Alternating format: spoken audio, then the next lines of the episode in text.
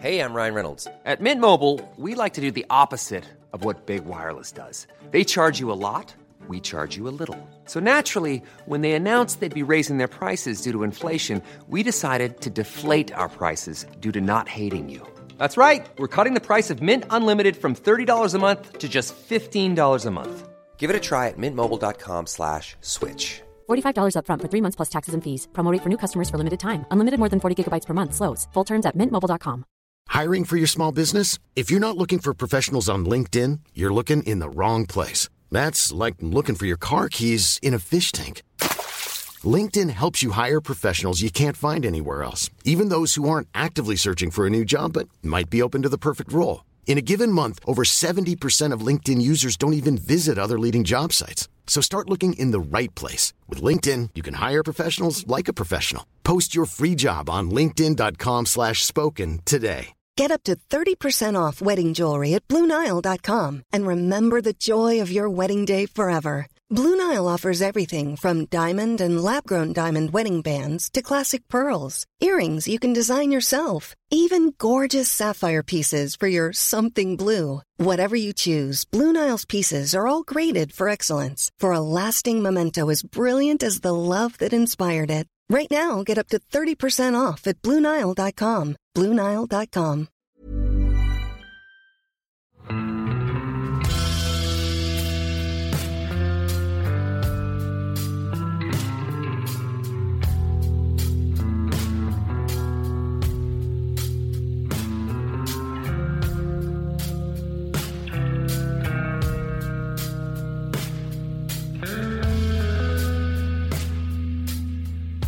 Hei, og velkommen til podkasten Uteliv.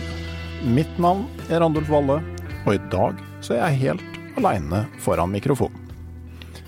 Vi er på vei inn i påska, og jeg tenkte jeg skulle bruke denne episoden til å svare på noen spørsmål som har dukka opp fra lyttere, i tillegg til at jeg skal fortelle om en kjempefin skitur som jeg var med på for noen år siden. De fleste av spørsmålene jeg tar opp i dag, har kommet inn fra dere som støtter podkasten på abonnementstjenesten Patrion, hvor man kan tegne et frivillig abonnement på podkasten Uteliv. Det koster to, fire eller ni dollar i måneden. Og det begynner å bli et riktig hyggelig turlag som nærmer seg 160 gode bålkamerater på Patrion. Jeg bruker den tjenesten her til å dele ekstrastoff rundt episoder, og gi følgerne der muligheten til å komme med forslag til spørsmål til enkeltepisoder, eller til temaer for framtidige episoder. Jeg har også lova at det blir en sommersesong av podkasten Uteliv, med episoder annenhver uke gjennom sommeren, om vi blir 200 stykk på Patrion før 1. juni. Det tikker stadig jevnt og trutt oppover, og både tilbakemeldingene fra dere som er med på Patrion, og den rene økonomiske støtta, har mye å si for produksjonen av podkasten. Jeg setter stor pris på alle som er med der i folden, og ønsker nye velkommen. Først i episoden så tenkte jeg å dvele litt ved bøker. For flere har takka for gode boktips som dukker opp i podkastepisodene, mer eller mindre forsettlig. Det er hyggelig. Men nå er det sånn at ikke alle bøker jeg snakker om er like lette å få tak i i en vanlig bokhandel. Så neste spørsmål blir da hvordan man går fram for å skaffe seg gamle bøker. Derfor tenkte jeg å komme med noen kjappe tips om nettopp det. Norske bøker kan du søke på på antikvariat.no. Her har en rekke norske antikvariater lagt inn sine bøker, og du kan søke på forfatter eller tittel. Eldre norske bøker kan du òg lese i sin helhet hos Nasjonalbiblioteket på nb.no. Også her kan du søke på forfatter og tittel. Pass òg på at du begrenser søket ditt til kun bøker, så du ikke får altfor mange treff. De her bøkene er kun tilgjengelig mens du er på nett, og kan ikke lastes ned. Når det gjelder utenlandske titler, så er abebooks.com etter mitt syn en god kilde.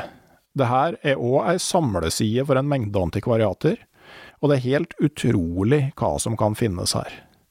Men vær oppmerksom på at det kan bli dyrt. Jeg fant eksempel to førsteutgaver av Charles Darwins bok On the Origin of Species by Means of Natural Selection or the Preservation of Favored Races in the Struggle for Life. Prisen? Vel, eh, den dyreste gikk for 422 964 dollar og 53 cent, eller i overkant av 3,6 millioner norske kroner, om du sitter og lurer på hva du skal bruke resten av påskelønninga til. Syns du det blir litt for dyrt, så kan du jo forsøke Google Books i stedet, hvor det også finnes en del bøker i fulltekst. Det er også mulig å finne brukte bøker via Amazon eller finn.no.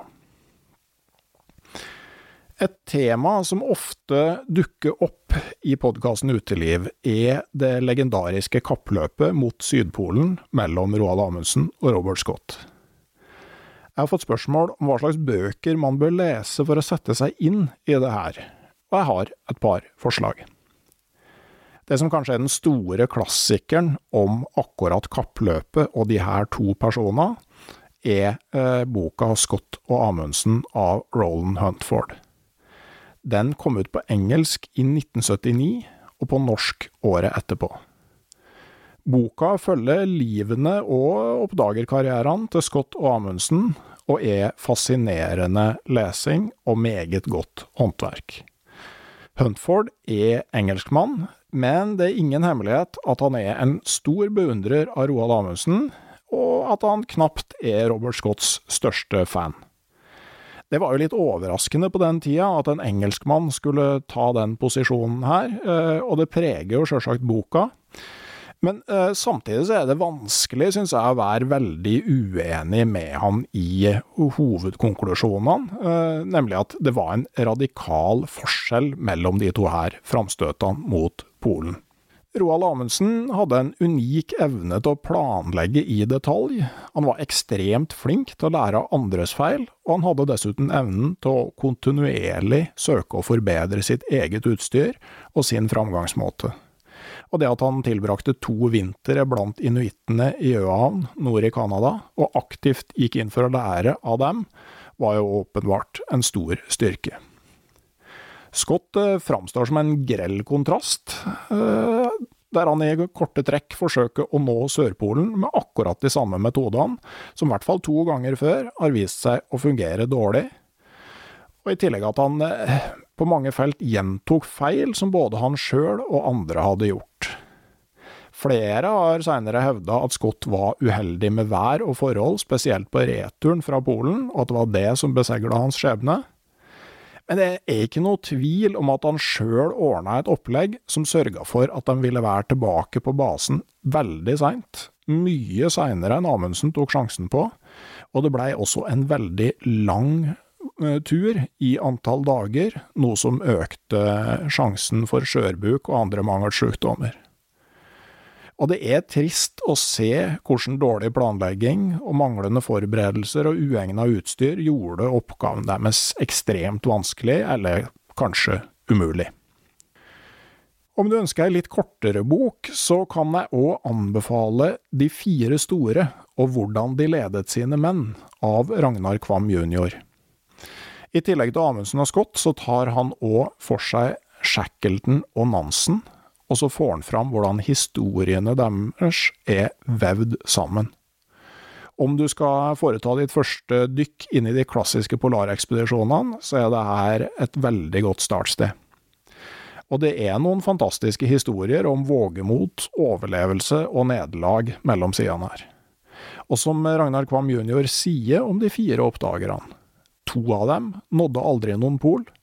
Det rare var at deres nederlag ble vendt til seier, men enda rarere var at for de to som fant sin pol, ble seieren et nederlag.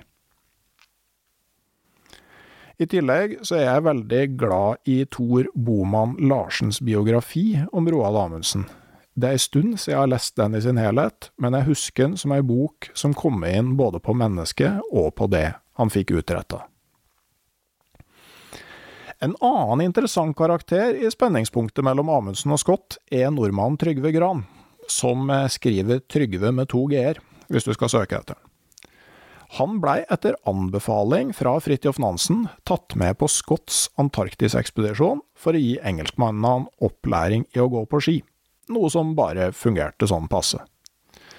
Men han havna i en veldig lei skvis da det som i utgangspunktet skulle bli bare en britisk ekspedisjon mot Sydpolen, plutselig blei en slags landskamp mellom Norge og England, og Trygve Gran plutselig befant seg på feil lag.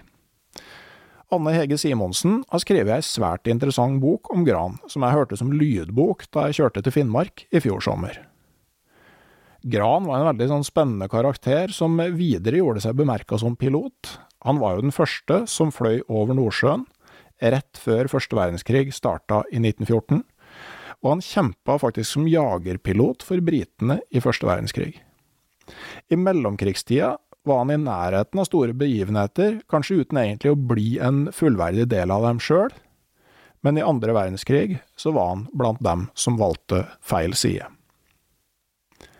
En kuriositet om Gran, nå som eh, vi går inn i ei påske som også innebærer landskamper i fotball, er at Trygve Gran eh, tilhører den litt sånn eksklusive klubben som har spilt én og akkurat én landskamp i fotball for Norge. Han var med i en kamp mot Sverige. Så vidt jeg husker, så leda Norge 1-0, men tapte ganske stort til slutt. Og Trygve Gran uh, minner meg om ei annen bok som jeg hørte på eh, fjorårets kjøretur tur-retur Finnmark.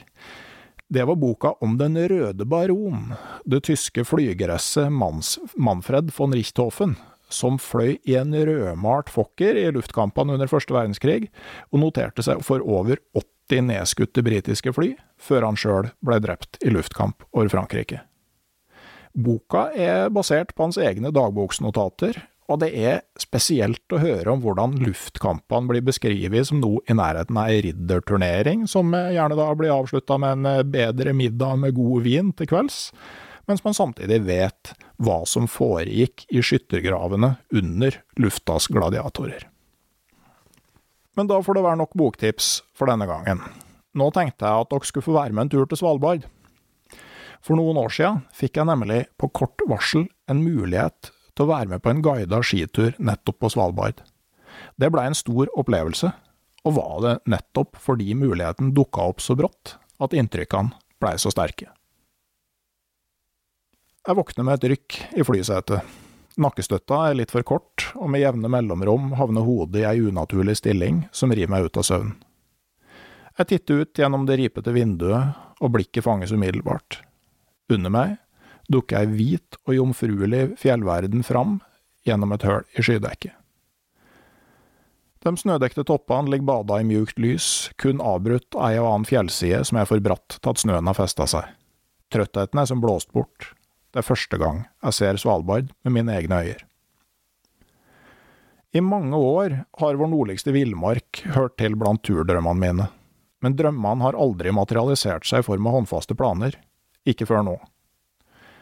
Ofte tar prosessen fra fjern drøm til konkret tur lang tid, gjerne flere år. På veien har man tid til gradvis å gjøre seg kjent med området, så vurderes gjerne flere alternativer før valget faller på én tur. Da er tida kommet for å starte reell planlegging, og til slutt så står man der, klar til å utforske området man en gang bare drømte om. Hele denne prosessen gjør at man på forhånd blir ganske godt kjent med det utvalgte området Kartet er studert, bilder er granska, og man har gjort seg opp en mening om hva turen vil bringe av opplevelser. Den gangen her er utgangspunktet helt annerledes. For ei ukes tid siden visste jeg ikke at jeg skulle hit. Plutselig kom en e-post fra et reiseselskap som hadde en ledig plass på en guida skitur. Da passa det fint at jeg ikke hadde fått somla meg til å pakke bort skiutstyret etter vinteren. Dessuten så er jeg så heldig at det å være på tur er jobben min, så det er mulig å rydde ei uke på kort varsel. I løpet av et par timer var derfor avgjørelsen tatt. Jeg trodde først jeg hadde dårlig tid med tanke på å bli klar til start, men jeg innså fort at en tur som den her krever mye mindre forberedelser enn en helgetur i telt på fjellet i Fastlands-Norge. Det eneste jeg har gjort, er å pakke mitt eget personlige utstyr etter ei tilsendt pakkeliste. Det tok bare en time eller to. Pulk, mat, kart, sikkerhet, logistikk har andre tatt seg av. Det er nesten som man kunne klart å venne seg til det her. Særing på fellestur. Mens jeg sitter der og ser utover Sør-Spitsbergen, lurer jeg på hvordan det blir å være på tur med mange ukjente personer. Etter en grei mengde teltdøgn vinterstid, så har jeg nok blitt litt av en særing, som gjerne vil gjøre ting på min måte. Denne gangen er det andre som har kommandoen. Mon tro hvordan det blir.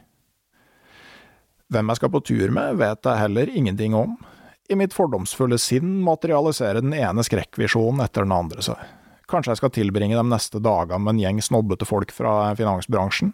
Hva om de har 32 Birkebeinermerker hver, skal konkurrere om alt mulig og anser dagen for ødelagt om vi går mindre enn fire mil? Kanskje de ikke engang har forstått magien i en rolig kaffekopp om morgenen, mens man lar den nye dagen synke inn. Stort lenger kommer jeg ikke tankerekka før flyet tar bakken i Longyearbyen. Ettersom ankomsthallen tømmes for folk, blir jeg var to damer som står med turklær og hver sin skipose. Og ganske riktig, de skal også på tur. Siri og Kirsten eh, ser definitivt ikke ut til å passe inn i noen av skrekkvisjonene mine, og snart blir vi henta av guiden vår, Mikael. Det går ikke lenge før vi begynner å finne tonen. Siste kvinne på laget, Liv Hege, slutter seg til oss i morgen. Fornøyd hører jeg at hun tidligere har bodd tolv år på Svalbard. Jeg gleder meg allerede til å høre mer om hvordan det er å bo her. Sjangervalg. Vi har en hel dag på å klargjøre mat og utstyr. Det er utrolig deilig at noen eh, faktisk har funnet fram, planlagt, klargjort og handla. Dessuten er det luksus å ha en diger garasje å pakke i. Vi ser fort at alt er på stell, med unntak av en betenkelig underbudsjettering på kaffefronten. Den korrigerer vi imidlertid raskt og besluttsomt, og det går ikke lenge før pulkene er klare for morgendagen. Resten av følget undrer seg på eh, hvordan det blir å ha en skribent og fotograf på laget. Diskusjonen går rundt sjangervalget for reportasjen som turen ubønnhørlig skal resultere i. Ideene er mange, men blir forkasta etter tur på grunn av åpenbare svakheter. Reality-sjangeren rykt da ingen ønsker å bli stemt ut. Å bygge opp historien som en påskekrim er heller ikke særlig populært, eh, siden det krever voldshandlinger og forsvinninger, noe de fleste ser på som et i overkant stort offer. Dermed så når vi ingen konklusjon i det her avgjørende spørsmålet, før det er på tide å komme seg i overlevelsesdraktene, laste pulkene om bord i båten og sette kursen over isfjorden til startsted. Det er ikke fritt for at det kribler litt ekstra idet vi farer over den stille vannflata. Nå starter eventyret. En ekstra turkompis. Det blir ingen lang førsteetappe. Vi kommer oss til land, vasser gjennom med våt vårsnø, og kommer oss opp på breen før det er tid for første leir. I mellomtida så har vi fått et nytt medlem i turlaget. Ikke lenge etter at vi har gått i land, så oppdager vi nemlig en hund. Han er sky og ser tynn ut, men Liv Hege får lokka han inn ved hjelp av ei skive med makrell i tomat. Helt utsulta kan riktignok ikke være, for han slikker bare av pålegget og lar sjølve skiva være. Siden vi nettopp har diskutert sjangervalg, så er det vanskelig å overse parallellene til skrekkfilmen The Thing fra 1982, hvor en polarhund som kommer til en forskningsbase i Antarktis, viser seg å være alt annet enn en hund. Det er nesten så vi lytter etter skummel bakgrunnsmusikk. En satellittelefonsamtale til Longyearbyen oppklarer saken. Hunden heter Sjaman og stakk av fra et annet turfølge for to uker siden.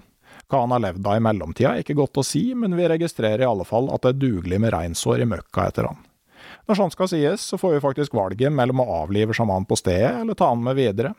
Etter en kort rådslaging blir vi enige om å inkludere han i gruppa. Sjaman virker riktignok ganske avkrefta, og vi er betenkte idet vi slår leir. Klarer han å være med på turen? Alle avstår litt av maten sin til den nye turkompisen. Favorittene viser seg å være potetgull, makrell i tomat og real turmat, gjerne torskegryte. Etter at vi har etablert leir, går Mikael gjennom reparasjonssettet og klarer faktisk å lage en riktig brukbar hundesele av diverse bånd og reimer. I gamle dager het det at en ishavsmaskinist måtte være i stand til å lage et lommeur av en isbjørnskit. Sjøl om guiden vår kanskje ikke er helt på det nivået enda, så er det betryggende å se at han tydelig er innehaver av MacGyver-genet. Leirrutiner. Isbjørn på Svalbard gjør at vi må ta noen ekstra forholdsregler, sjøl om sjansen for å treffe bamse oppe på breene ikke er veldig stor. Vi har snublebluss rundt leiren, og den første kvelden fanger vi flere av turdeltakerne, heldigvis før blussene er armert. Av isbjørnfaren er det heller ikke bare å gå rundt en stein eller en snøhaug og trekke ned buksa når naturen krever sitt. Man vet ikke hvem som ligger der og venter, i leiren løser vi det med en, eh, et aldeles fortreffelig avlukke bygd av snøblokker innafor snubleblussene. Men i løpet av dagens marsj må vi altså gjøre vårt fornødne med fri utsikt til resten av gjengen. Guiden Mikael gir oss nyttig informasjon til å i sånne situasjoner. Når dere går på do, vet jeg at det føles som man er i skjul for gruppa når man snur seg bort, men forresten så er det faktisk å foretrekke at dere sitter med ansiktet mot turkompisene. Når han først er i siget, vanker det flere praktiske leirtips for gruppeturer. Om dere ligger inne i teltet med primusen på, hører dere ikke noe av det som hender ute, men bare så det er sagt, dem som står ute, hører hvert eneste ord dere sier. Skulle vi føle behov for å baksnakke de andre deltakerne, bør vi altså gjøre andre valg av tid og sted. Det viser seg imidlertid at gruppa er riktig så harmonisk, og behovet for baksnakking må kunne sies å være neglisjerbart. Dermed kan vi også stryke det psykologiske dramaet fra mulighetene når det gjelder sjangervalg for reportasjen. Etter hvert går klokka mot kveld, uten at dagen viser tegn til å følge etter. Så langt nord er nesten latterlig lyst i juni, sjøl midt på natta. Før vi kryper teltene, avslutter sjaman dagen med ett enkelt ul. Det er tørt, sårt og sprukkent, Omtrent som om en eh, klarinett hadde ligget et halvår i saltvann, for så å ha tørka sakte i sola. Vi ser forundra og lattermilde på hverandre, fullstendig ute av stand til å forstå hva vår nye venn forsøker å formidle. Idet vi entrer soveposene, lurer vi på hvor mye av nattesøvnen vår som han kommer til å ødelegge. Frykten er ubegrunna. Det sprukne ulet er den eneste lyden han kommer med på hele turen. Gode dager. Med dag nummer to kommer også sola. Forholdene kunne knapt vært bedre. Vi tar av jakkene og fortsetter i ulltrøya. Et lite lag styresnø ligger oppå et hardere underlag og gir godt feste, sjøl med tørrvoks under skiene. Bare vi husker å smøre ansiktet med solkrem òg, så skal det her bli bra. Mikael går i front i et tempo som ligger langt unna skrekkvisjonen min for turen.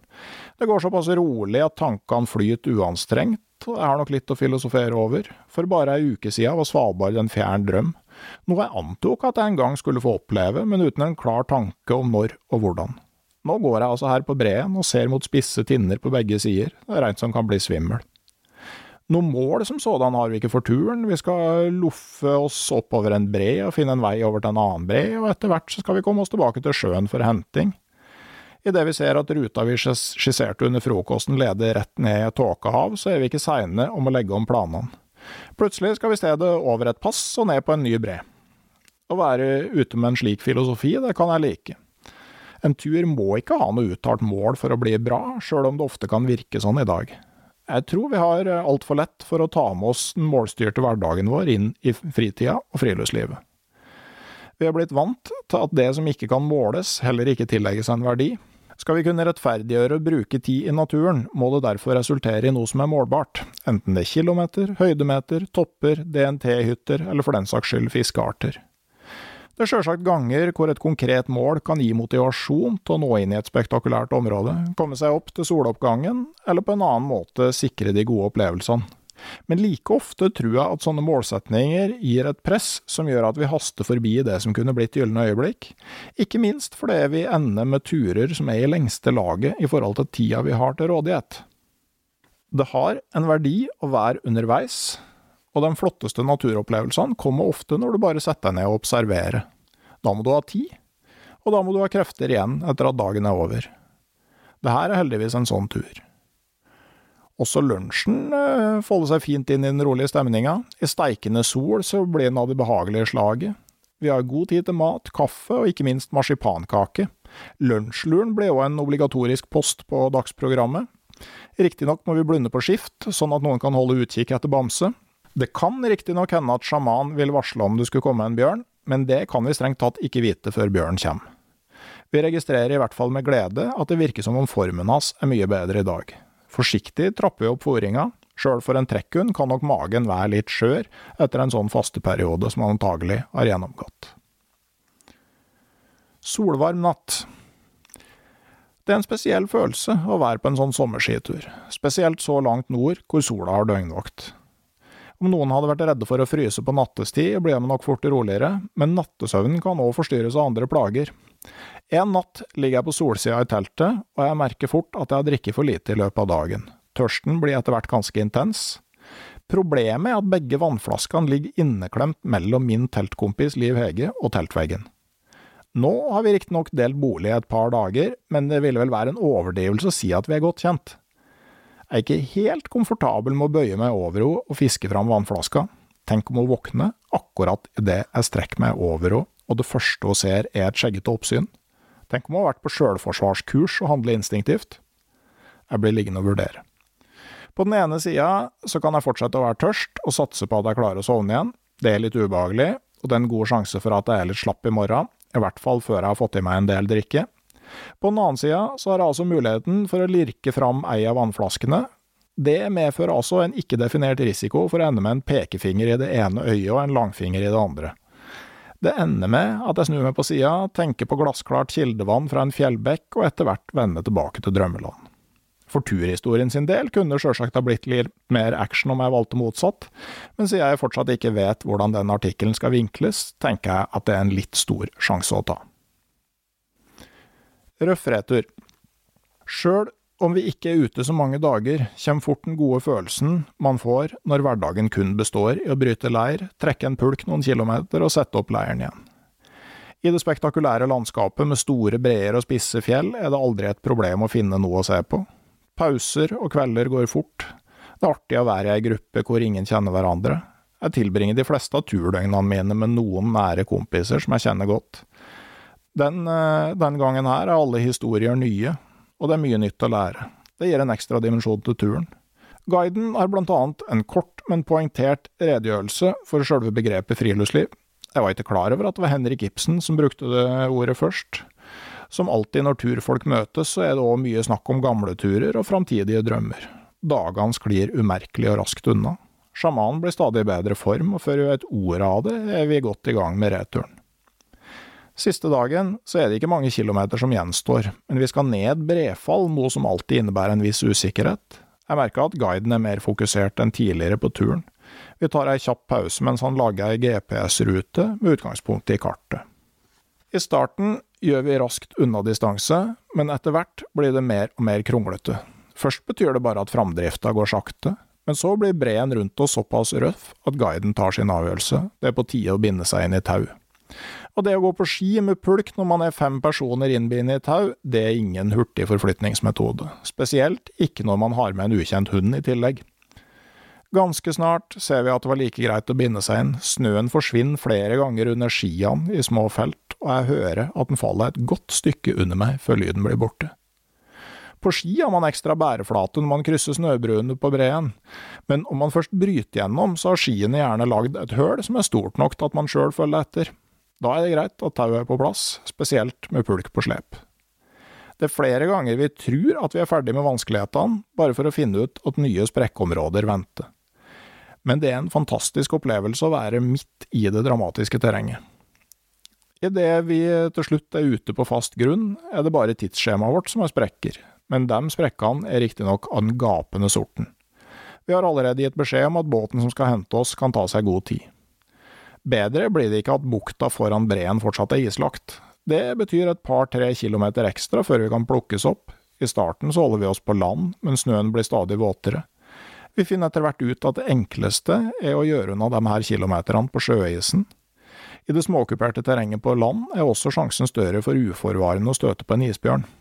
For å komme oss ut på ubrutt is, må vi ta en runde fra isflak til isflak, noen tar spranget, mens andre nøler og blir stående med én fot på hver side av råka, mens eh, flakene ubønnhørlig glir i hver sin retning. Etter hvert så er vi alle samla, med en flat og enkel rute mot iskanten. Der ute ser vi massevis av svarte flekker, sel som ligger og nyter kveldssola. Den siste biten går vi i strandkanten, og til slutt så er vi ute ved åpent vann. Jammen så får vi tid til å nyte kveldssola litt òg, før båten er på plass. Så går det kast i kast, med båttur over fjorden, dusj, klesskift og en bedre middag som avslutning på turen. Et par dager seinere sitter jeg igjen i et fly og titter ned på Svalbards fantastiske fjellverden. Tankene går tilbake til den siste uka. Jeg har de siste årene vært heldig nok til å få være på tur i mange fantastiske villmarksområder, men sjelden eller aldri har jeg hatt et så overveldende førstemøte med et sted. Jeg lurer litt på hvorfor jeg er så bergtatt. Flere grunner står tydelig fram. Vi har vært i et nydelig område, i ei velfungerende og koselig gruppe. I tillegg så har vi vært ekstremt heldige med været. Den lange siste dagen, hvor vi tok oss ned brefallet og ut på fjordisen, er òg en opplevelse som sitt. Den skiller seg dessuten klart fra det meste jeg har vært med på før. Men den viktigste faktoren tror jeg har vært nettopp det at avgjørelsen om turen ble tatt i hui og hast. Jeg hadde ingen tid til å gjøre meg opp en mening om hva som venta. Dermed har jeg kunnet nytte opplevelsene for det de har vært, uten å måle dem opp mot forventninger. Hadde jeg hatt tid til å lese bøker og studere bilder fra området vi har vært i, tror jeg at inntrykket hadde vært et annet, ikke minst fordi bildene man finner i bøker, brosjyrer og på turistnettsteder normalt er tatt på dager med ideelle værforhold. Da hadde det plutselig blitt referansenivået som opplevelsene våre skulle måles mot. Det er på mange vis et paradoks at forberedelser til turen kan være med på å ta glansen fra turopplevelsen. Hvem vet? Kanskje gjennom historien fra denne turen vil ta fram nettopp deg muligheten til å bli bergtatt av fjellheimen nord for Isfjorden, uten å være forutinntatt. Flyet har fortsatt mot sør mens jeg har filosofert. Snart sluker skydekket fjellutsikta. Jeg kjenner at øyelokkene er tunge, ikke så rart egentlig, det er fortsatt midt på natta. Jeg putter kameraet tilbake i sekken, finner ei brukbar sittestilling og synker gradvis inn i søvnen. Det siste jeg tenker på, er det eneste ubesvarte spørsmålet etter turen. Hvilken sjanger skal jeg velge for reportasjen jeg skal skrive? Vel, da gjenstår det bare å ønske dere alle sammen ei riktig god påske. Denne gangen så er det to uker før det kommer en ny episode, og fram mot sommeren så er det flere spennende tema på gang. Vurder gjerne om du skal bli med alle oss andre på Patrion, og gjør uansett det beste ut av påska ute. Ha det bra! Mm-hmm.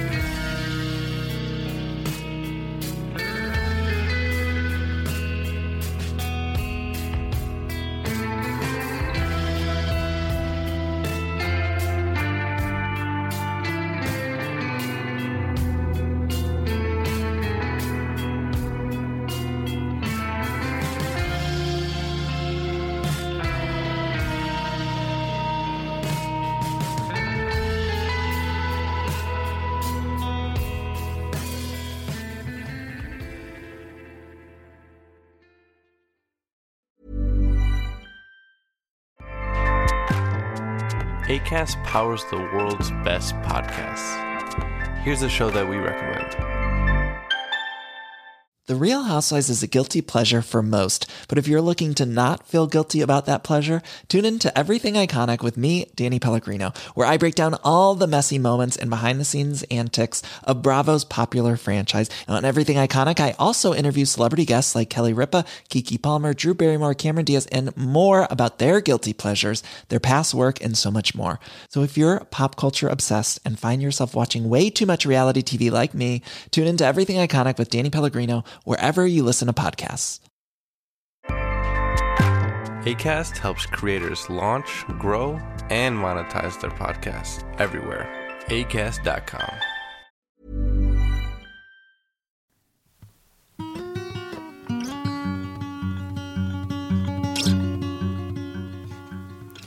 Hei, folkens. Bare én ting til, sånn helt til slutt. I vinter så ga jeg ut episode 200 av podkasten Uteliv på LP-plate. Gjest var ingen ringere enn Moddi. Han tok gitaren på ryggen, mens jeg tok opptaksutstyret. Så spente vi på oss ski og gikk inn til Onderbu i Onderdalen nasjonalpark på Senja. Der rigga vi oss til i solveggen og spilte inn hver side av episoden i én sammenhengende tagning. Moddi spilte fem låter, og mellom sangene prata vi om turen hans langs pilegrimsleden fra Oslo til Trondheim sommeren 2021. Plata er trykka i 500 eksemplarer, og for å være helt ærlig så syns jeg den blei skikkelig bra. Nå i sommer får du plata til kun 290 kroner, inkludert porto, i nettbutikken min på www.randulfvalle.no. Og skulle jeg selge så mange at det blir et overskudd, så går det til organisasjonen Medvandrerne. Hiv deg rundt, så får du et skikkelig klenodium i samlinga di. Du finner den altså på randulfvalle.no. Hvis du trodde at tida stoppa opp den dagen du flytta, da må du tru om igjen. Du ramma bilden lenge før malinga størtna, da du blei en av dem. Noe har skjedd, og det skjedde fort. En vei og ei bru, og så var det gjort. Stilt som et kvisker og kvast som ei klo. Det er ei ny